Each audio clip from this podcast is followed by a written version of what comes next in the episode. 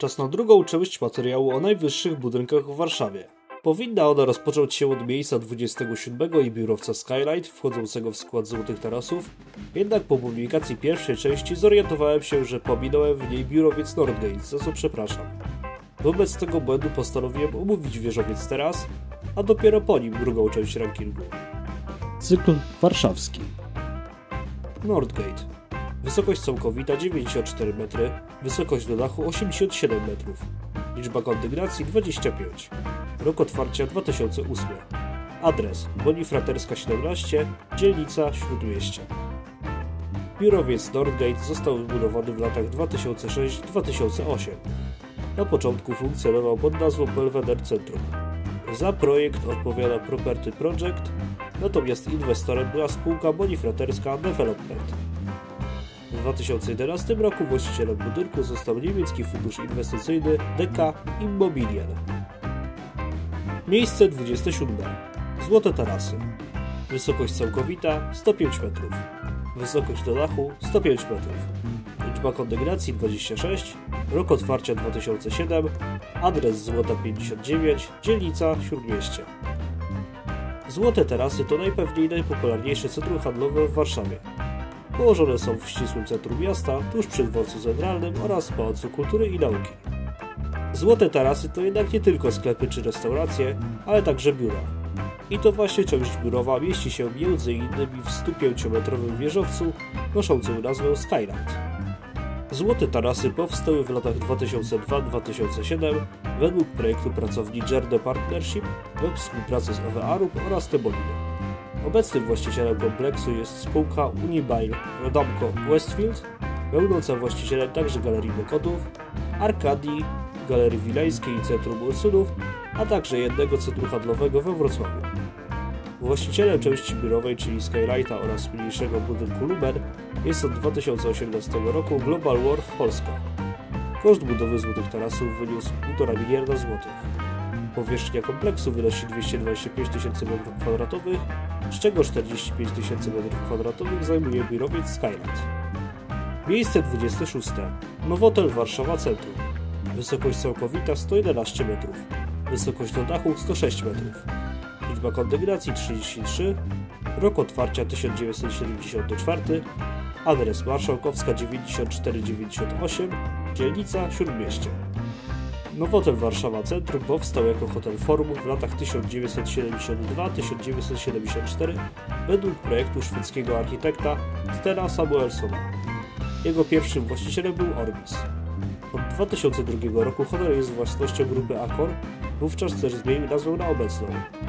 Po zmianie właściciela oraz nazwy w latach 2004-2005 dokonano gruntownego remontu budynku. Wtedy też zmieniono kolor elewacji ze złotego na obecny biały. Hotel o powierzchni 15 100 m2 oferuje 740 pokoi o standardzie czterogwiazdkowym. Poza tym obiektem w Warszawie znajduje się jeszcze jeden hotel marki Nowotel. Nowotel Warszawa Airport położony jest przy ulicy 1 sierpnia w dzielnicy Włochy, pobliżu lotniska Chopina. Miejsce 25. Central Tower. Wysokość całkowita 115 metrów. Wysokość do dachu 115 metrów. Liczba kondygnacji 26. Rok otwarcia 1996. Adres Alei Jerozolimskiej 81, dzielnica Ochota. Budowa wieżowca Central Tower, noszącego na początku nazwę Film Tower, a później jeszcze Orco Tower, trwała od 1993 do 1996 roku. Biurowiec powstał według projektu Lorenzo Mantinoi, Jacka Sokalskiego i Amadeo Strady. Inwestorem była firma Fortrade Financing. Wieżowiec początkowo miał być niższy, miał mieć 20 kondygnacji. Co ciekawe, gdy oddano biurowiec do użytku, to Gazeta Wyborcza uznała go jednym z najbrzydszych budynków w mieście. Trzy najwyższe piętra wieżowca pełnią funkcje techniczne, parter służy celom handlowo-bankowym, natomiast pozostałe kondygnacje to przestrzenie biurowe. W 2006 roku budynek zmienił właściciela. Stała się nim firma Orco Property Group. Biurowiec zmienił też wtedy nazwę na Orco Tower. W latach 2007-2008 miał miejsce remont budynku. Wówczas zmieniono nieco wygląd elewacji na obecny. W 2014 roku budynek po raz kolejny zmienił właściciela i nazwę. Jest obecnie własnością funduszu inwestycyjnego CPI. Ciekawostką jest umieszczona na dachu pasieka.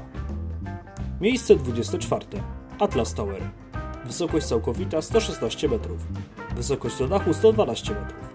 Liczba kondygnacji 28. Rok otwarcia 1999. Adres Alei Jerozolimskie 123A, dzielnica Ochota. Budynek Atlas Tower, który początkowo funkcjonował pod nazwą Reform Plaza, a potem jeszcze Millennium Plaza, został wybudowany w latach 1996-1999. Za jego projekt odpowiada turecki architekt Wahab Toy. Tutaj warto się na chwilę zatrzymać. Na początku wieku XXI był prezesem polsko-tureckiej spółki Epiten Korporacja Rozwoju Wschód. W 2000 roku pojawiła się szeroko komentowana informacja, iż chce on wybudować w Białej Podlaskiej ogromne lotnisko, kasyno, park rozrywki, filię uniwersytetu, centrum medyczne, a nawet stadion olimpijski i tor Formuły 1. Cały kompleks był nazywany drugim Las Vegas. Jak się można domyślić, z tych pomysłów żaden nie doczekał się realizacji, a sam Wahab Toy zniknął w 2003 roku. Poza Atlas Tower zaprojektował on jeszcze centrum handlowe Blue City. Co do samego budynku, przede wszystkim jest to biurowiec, jednak mieści się tu też galeria handlowa. Lokale usługowe zajmują 6 pięter. W wieżowcu znajduje się też ambasada Meksyku. Budynek bywa nazywany prześmiewczo Toy Toyem. Miejsce 23. Błękitny wieżowiec. Wysokość całkowita 120 metrów. Wysokość do dachu 100 metrów. Liczba kondygnacji 27. Rok otwarcia 1991. Adres Plac Markowy 2, dzielnica Śródmieście. Błękitny wieżowiec, początkowo złocisty wieżowiec, obecna oficjalna nazwa Blue Tower, to prawdopodobnie najdłużej budowany warszawski budynek. Budowa rozpoczęła się w 1965 roku, a zakończyła w 1991, a więc trwała aż 26 lat. A dlaczego tak długo to trwało? W 1878 roku w miejscu, w którym obecnie stoi wieżowiec, otwarto wielką synagogę, mogącą pomieścić ponad 4000 osób. Synagoga została wysadzona w maju 1943 roku po stłumieniu powstania w getcie. Po wojnie pojawił się pomysł odbudowania świątyni, jednak ostatecznie do tego nie doszło. W latach 50. zdecydowano się na budowę w tym miejscu biurowca i tutaj rozpoczyna się historia błękitnego wieżowca. Legenda głosi, że jeszcze podczas II wojny światowej jeden z rabinów miał rzucić na to miejsce klątwę. Być może coś w tym było, ponieważ budowę wiele razy przerywano i wznowiono. W międzyczasie dwa razy zmieniono też projekt. Podobno po otwarciu budynku zaproszono do niego rabinów, aby klątwę zdjęli. Dzięki zmianom projektowym pod ostateczną wersją podpisało się aż pięcioro architektów. Jerzy Czyż, Andrzej Skopiński, Jan Furman, Lech Robaczyński i Marzena Leszczyńska. Dawniej błękitny wieżowiec był siedzibą polskiego oddziału firmy Peugeot. Znajdował się tu także salon francuskiej marki. Miejsce 22. Forest. Wysokość całkowita 120 metrów. Wysokość do dachu 120 metrów. Liczba kondygnacji 29. Rok otwarcia 2021. Adres Burakowska 14, dzielnica Wola. Forest to zespół budynków biurowych, z których najwyższy 120-metrowy jest jednym z najnowszych warszawskich wieżowców. Budowa kompleksu trwała od września 2018 do grudnia 2021 roku. Za projekt odpowiada studio HRA Architekci, natomiast inwestorem jest spółka Haberevis. Powierzchnia wszystkich budynków to niemal 80 tysięcy m2. Nazwa kompleksu, oznaczająca w języku polskim las, jest adekwatna, ponieważ zieleni jest tu bardzo dużo. Zasadzono 400 drzew i krzewów. Ponadto na dachach budynków swoje miejsce znalazły zielone tarasy wraz ze strefami rekreacyjnymi oraz ogrodem z tarasem widokowym. Są tutaj także szklarnie umożliwiające uprawę warzyw. Poza 29-piętrowym wieżowcem w skład zespołu wchodzą też dwa mniejsze budynki, 6 i 8 kondygnacyjne. Koszt całej inwestycji wyniósł 162 miliony złotych. Głównym najemcą budynku jest bank PKO zajmujący 18 pięter. Przeniósł się tutaj z PKO Tower.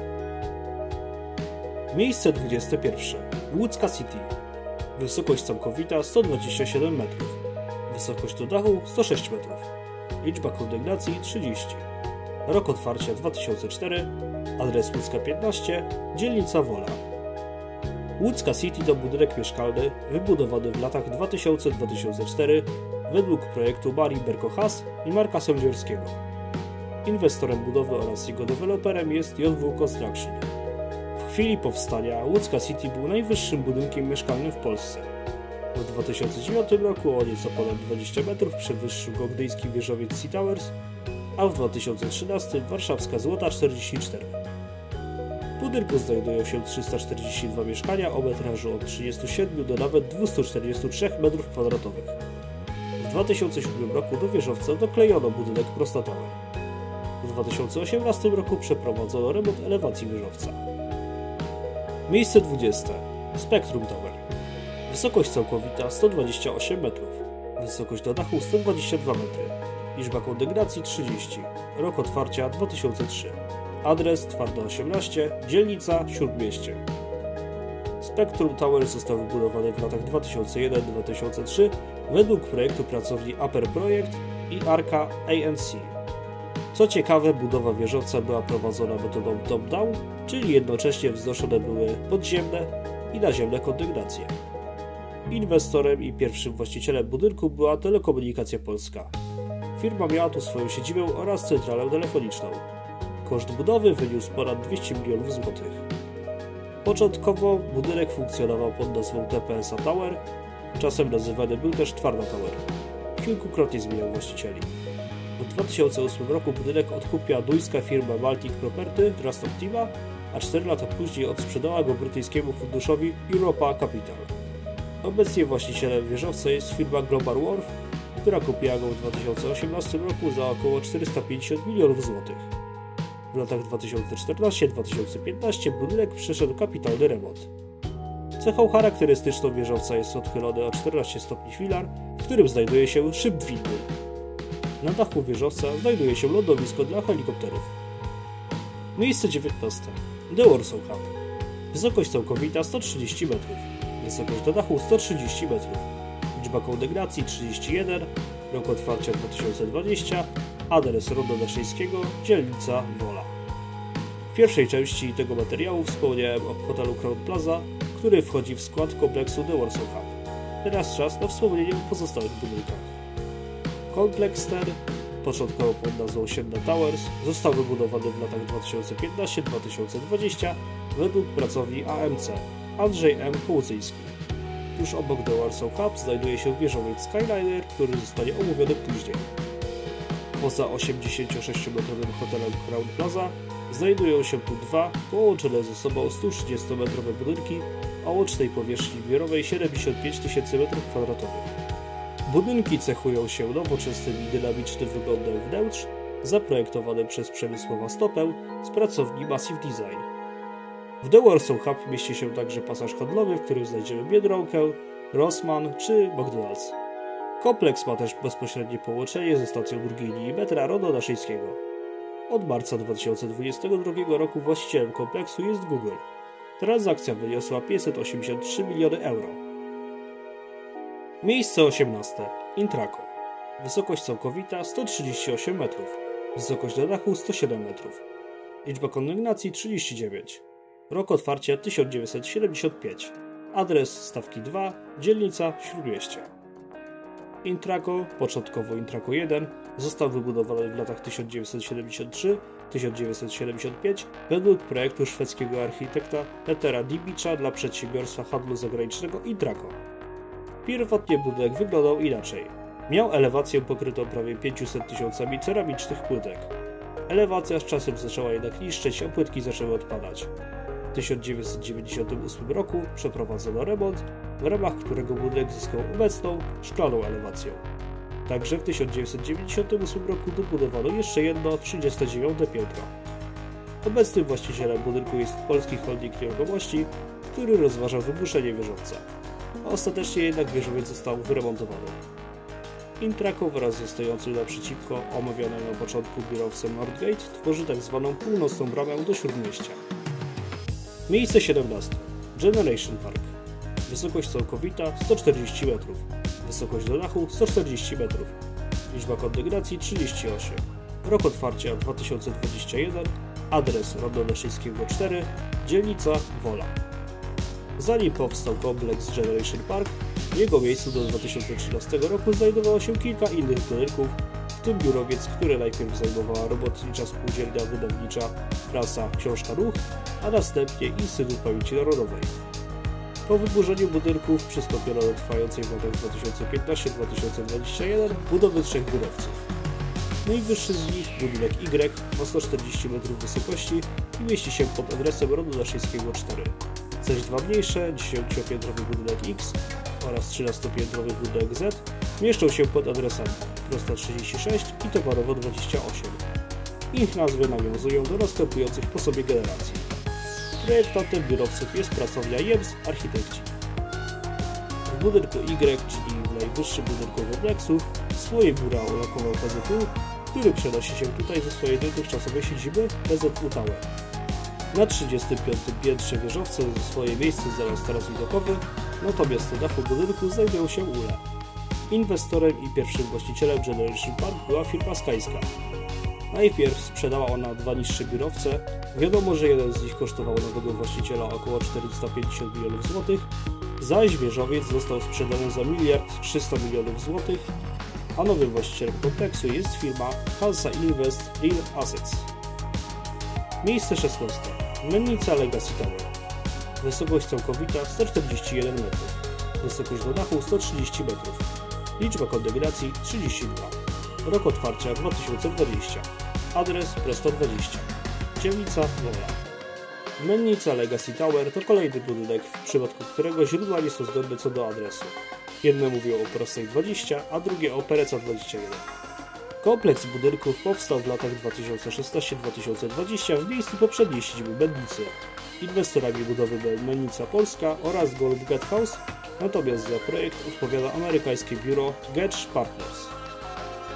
W skład zespołu budynków wchodzi omawiany 32-piętrowy biurowiec oraz mniejszy 9-piętrowy budynek. Co ciekawe, przy okazji budowy biurowca przedłużono ulicę Woliców do prostej. Miejsce 15. Hałwińskiego 8.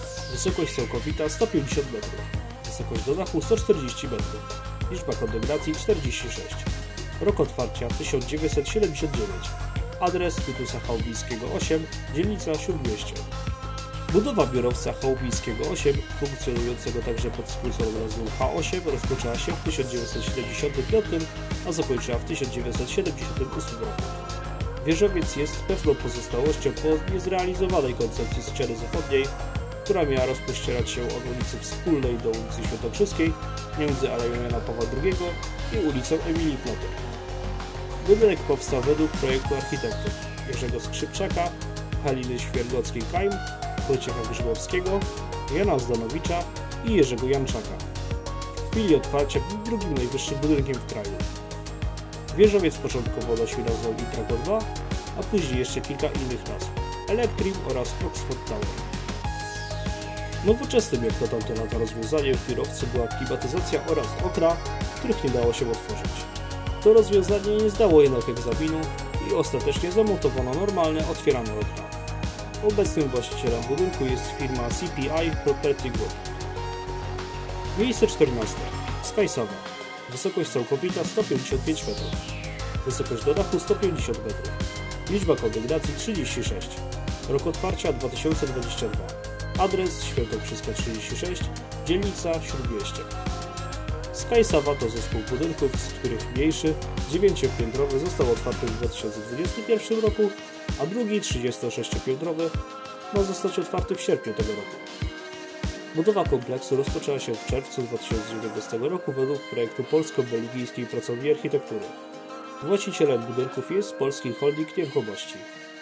Oprócz przestrzeni biurowej, w budynku znalazło się także miejsce dla lokali handlowo-usługowych. W 2020 roku kompleks został nominowany do nagrody Brim Awards. Budynek posiada bezpośrednie połączenie i przejście podziemne z pobliską stacją drugiej linii metra RODO ORZ. Umowę na wynajem przestrzeni biurowej budynku podpisał w styczniu 2022 roku PKO Bank Polski. Miejsce 13. Kosmopolitan, twarde 2 przez 4. Wysokość całkowita 160 metrów. Wysokość do dachu 160 metrów. Liczba kondygnacji 44. Rok otwarcia 2013. Adres twarde 2 przez 4. Dzielnica Śródmieście. Budynek mieszkalny Kosmopolitan został wybudowany w latach 2010-2013, według projektu Helmuta Jana z pracowni Murphy Jan. Inwestorem była firma Tacit Development. W budynku znajdują się 254 mieszkania o metrażu od 53 do 195 m2. Ceny najdroższych mieszkań dochodziły do kwoty 45 tysięcy złotych za metr kwadratowy, a 10 najdroższych apartamentów zostało sprzedanych za łączną kwotę ponad 100 milionów złotych. Poza mieszkaniami w budynku znajdują się także lokale handlowo-usługowe oraz siłownia, a trzy piętra zajmują biura. Początkowo myślano też o ulokowaniu w budynku hotelu. Miejsce 12. Interkontynental Warszawa.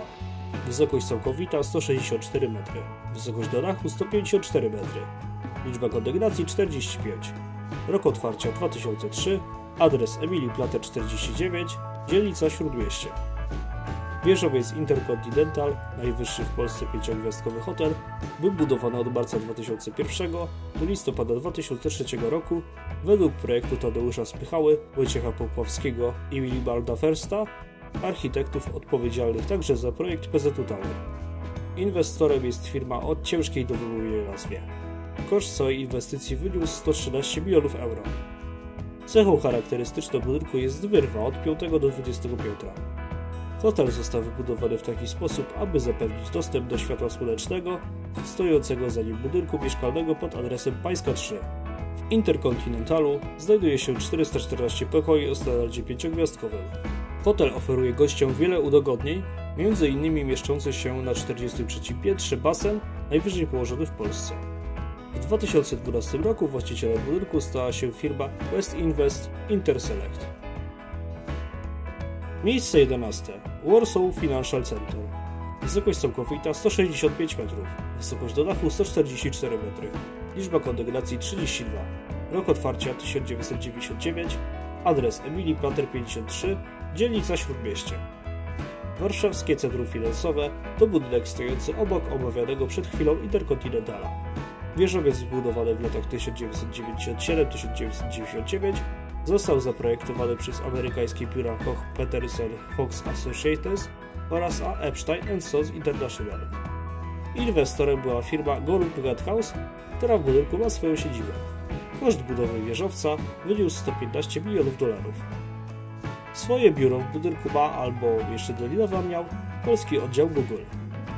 Budynek posiada własną stację uzdatnienia wody oraz agregat prądotwórczy, który umożliwia kontynuowanie pracy nawet podczas dużej awarii. Obecnym właścicielem WFC jest CPI Property Group. Miejsce 10. Centrum Lim. Wysokość całkowita 170 metrów. Wysokość do dachu 140 metrów.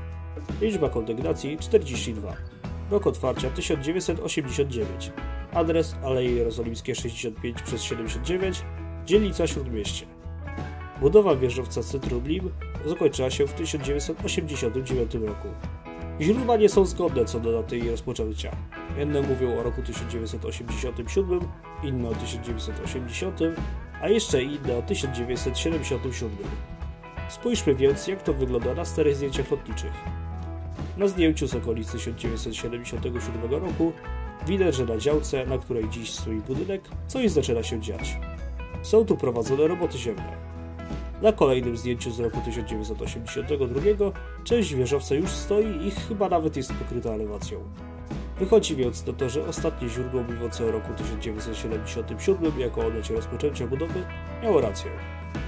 Pewne jest, że wieżowiec Centrumi powstał według projektu architektów Jerzego Skrzypczaka, autora projektu m.in. budynku Chałbińskiego 8, Andrzeja Bielobratka oraz Tadeusza Stefańskiego. Nazwa budynku pochodzi od spółki nim zarządzającej Lim Joint Venture, utworzonej przez PLL LOT, Bilbao oraz Marriott International. Centrum Lim to przede wszystkim budynek hotelowy, choć także biurowy. Mieści się tu hotel Marriott, zajmujący piętra od 20 wzwyż. To pierwszy obiekt tej sieci otwarty w Europie Wschodniej. Oferuje on 523 pokoje o standardzie pięciogwiazdkowym oraz liczne udogodnienia w postaci basenu, siłowni czy kilku restauracji. Swoje biura w budynku od samego początku mają m.in. polskie linie lotnicze LOT. Miejsce dziewiąte. Rondo 1. Wysokość całkowita 192 metry. Wysokość do dachu 159 metrów. Liczba kondygnacji 40. Rok otwarcia 2006. Adres Rondo EZ1, dzielnica Śródmieście. Biurowiec Rondo 1 został wybudowany w latach 2003-2006 według projektu Larego Oldpansa z amerykańskiego biura Skidmore, Owings Merrill, odpowiedzialnego za projekt m.in. Burj Khalifa, czyli najwyższego budynku świata, we współpracy z polską pracownią AZO. Nazwa budynku pochodzi od jego lokalizacji przy rondzie ONZ. Rondo 1 to tak naprawdę dwa budynki. Mniejszy 10-piętrowy budynek A stojący przy Świętokrzyskiej oraz wyższy 40-piętrowy budynek B. Jak możemy przeczytać na stronie internetowej wieżowca, jest to jeden z najbardziej prestiżowych wieżowców w Europie Środkowo-Wschodniej. To pierwszy w Polsce budynek, który uzyskał certyfikat ekologiczny LEED Gold, a później jeszcze LEED Platinum. W wieżowcu stosowany jest indywidualny system sterowania oświetleniem, odpady są segregowane, stosowany jest program oszczędności wody, a co najciekawsze, 100% użytkowanej energii to energia wiatrowa. W budynku swoje biuro miał Frontex, czyli Europejska Agencja Zarządzania Współpracą Operacyjną na zewnętrznych granicach Unii Europejskiej, jednak w 2014 roku instytucja przeniosła się do biurowca Warsaw Spire. Miejsce ósme. Złota 44. Wysokość całkowita 192 metry. Wysokość do dachu 192 metry. Liczba kondygnacji 55. Rok otwarcia 2017. Adres Złota 44. Dzielnica Śródmieście. Zanim powstał budynek mieszkalny Złota 44, w jego miejscu stał City Center, czyli jedno z pierwszych centrów handlowych w Warszawie. Budynek ten, otwarty w 1991 roku jako Bogusz Center, powstał z inicjatywy Pemexu. Wyglądał niemal identycznie jak sąsiedni hotel Mercure. City Center początkowo był popularnym miejscem, jednak z czasem ta popularność była coraz mniejsza. W Warszawie otwierały się kolejne nowe centra handlowe. W 2004 roku właścicielem budynku stała się spółka Orco Property Group. W 2007 roku City Center został zburzony. Rok później rozpoczęła się budowa Złotej 44, która trwała do 2016 roku. Początkowo planowano zakończyć ją w 2013, ale była ona kilka razy wstrzymywana oraz zmieniany był jej wykonawca. Budynek zaprojektował Daniel Libeski, amerykański architekt polsko-żydowskiego pochodzenia. Choć na stronie Złotej 44 czytamy, że jest to najwyższy budynek mieszkalny w Polsce oraz w całej Unii Europejskiej, to mierzący 212 metrów wrocławski Sky Tower także pełni funkcje mieszkalne. Mieszkańcy Złotej 44 mają dostęp do prywatnej siłowni, basenu, jacuzzi, strefy rekreacyjnej dla dzieci czy tarasu widokowego. Budynek oferuje także sale konferencyjne na wynajem. W 2020 roku sprzedano najdroższy apartament w budynku o metrażu 600 m2. Cena transakcji wyniosła najprawdopodobniej ponad 25 milionów złotych. Miejsce siódme. U22. Wysokość całkowita 195 metrów. Wysokość do dachu 160 metrów. Liczba kondygnacji 42. Rok otwarcia 2016. Adres Aleja Jana Pawła II 22. Dzielnica Śródmieście. Budowa biurowca Q22 trwała równo 3 lata, od czerwca 2013 do czerwca 2016 roku. Budynek został zaprojektowany przez pracownię Kuryłowicz Associates oraz Buro Happot. Koszt inwestycji to około 500 milionów złotych. Litera Q w nazwie budynku pochodzi od słowa quality, czyli jakość, oraz od słowa quartz, ponieważ to kwarc był inspiracją dla architektów przy projektowaniu bryły budynku. Budynku znajdują się głównie przestrzenie biurowe, choć jest tu także miejsce dla usług. Na 20 piętrze znajduje się najwyżej położona w Warszawie kawiarnia. Miejsce szóste. Skyliner.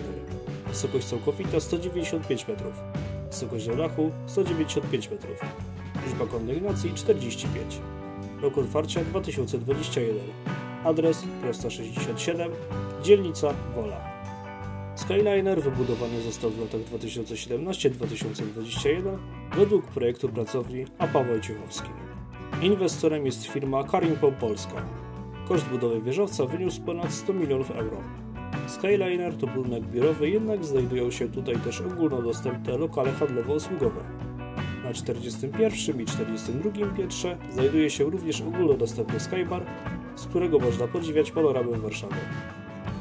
Jak można przeczytać na stronie budynku, stosowane są tutaj bezdotykowy system komunikacji wewnątrz budynku, rozpoznawanie użytkowników i sterowanie środowiskiem pracy za pomocą telefonu komórkowego.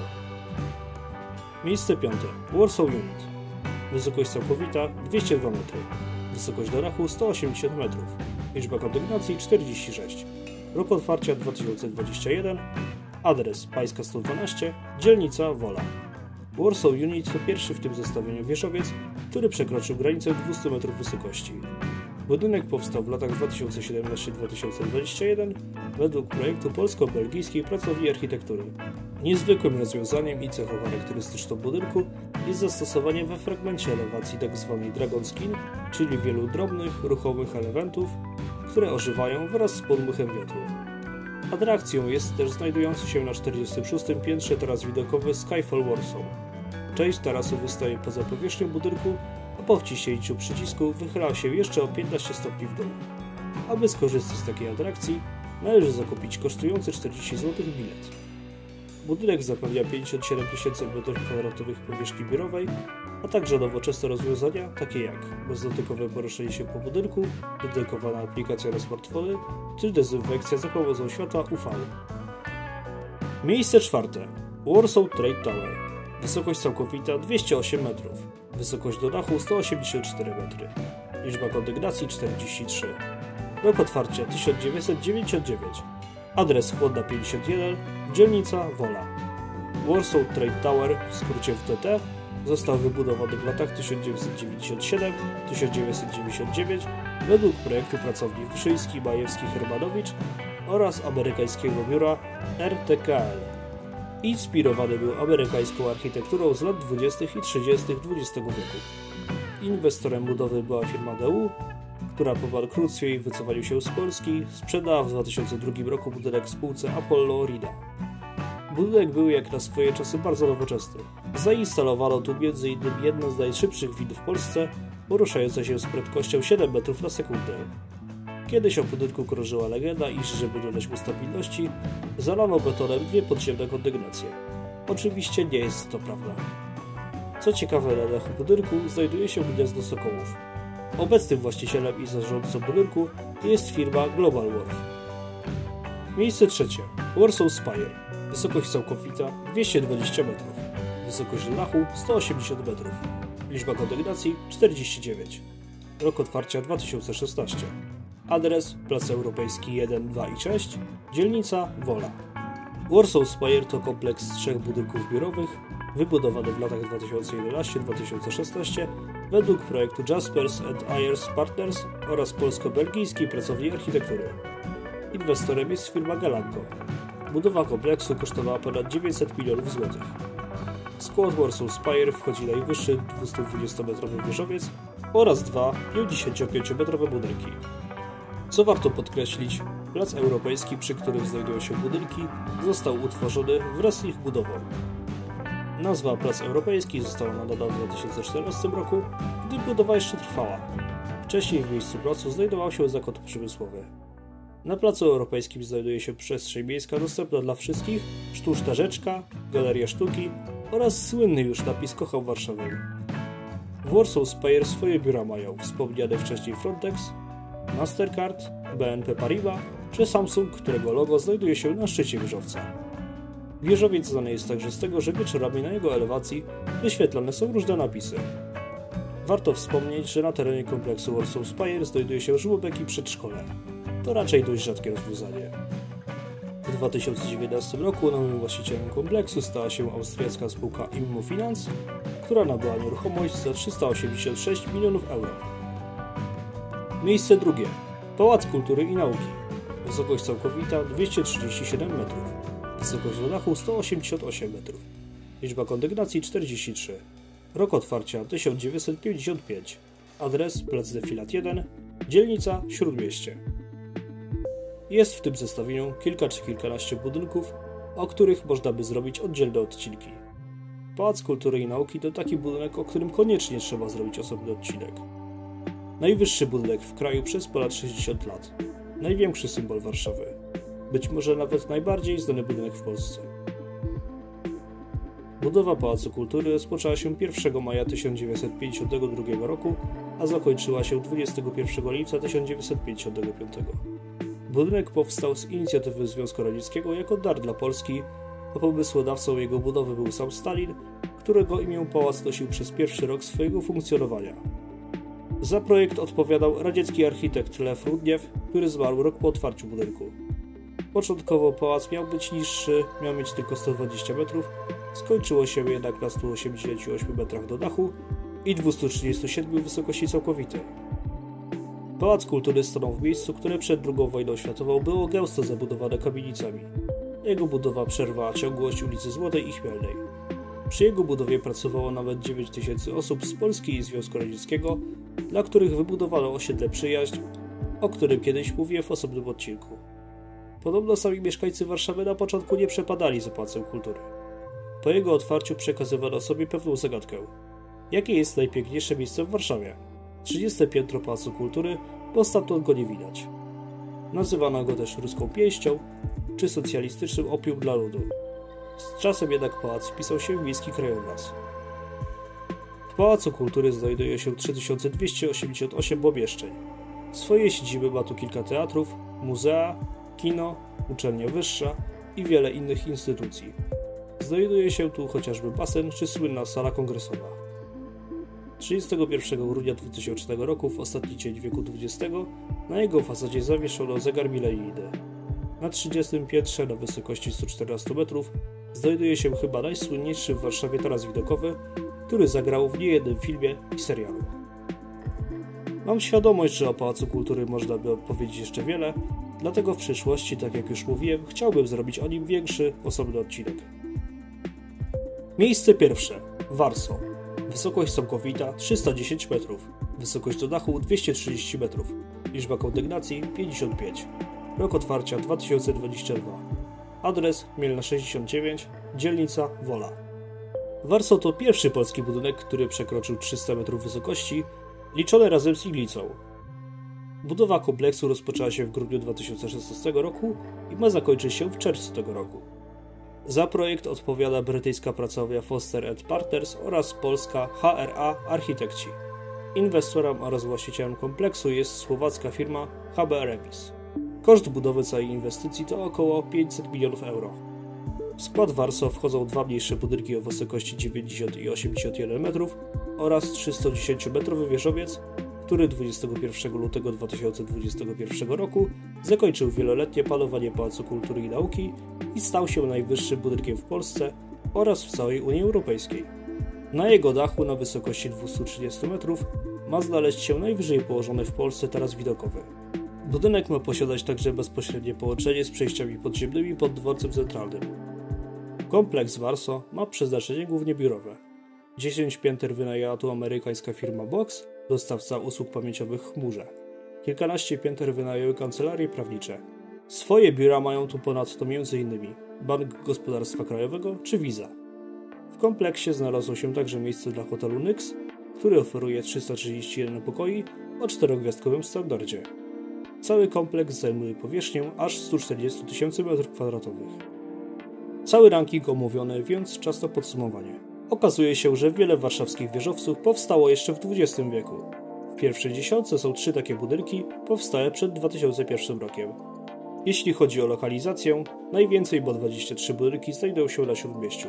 22 są na Woli, 3 są na Ochocie, natomiast po jednym znajdziemy na Mokotowie, Pradze Południe, Pradze Północ, Bielanach i na Wilanowie. A w najbliższych latach powstaną jeszcze takie wieżowce jak The Bridge, Skyliner 2, Spark czy Studio. Każdy z nich na woli. A na koniec o pytanie, które zadałem jakiś czas temu na karcie społeczność. Zapytałem, jaki jest wasz ulubiony wieżowiec? Wśród odpowiedzi niektóre się powtarzały. Pisaliście głównie o Warsaw Spire, Rondzie 1 czy o Pałacu Kultury.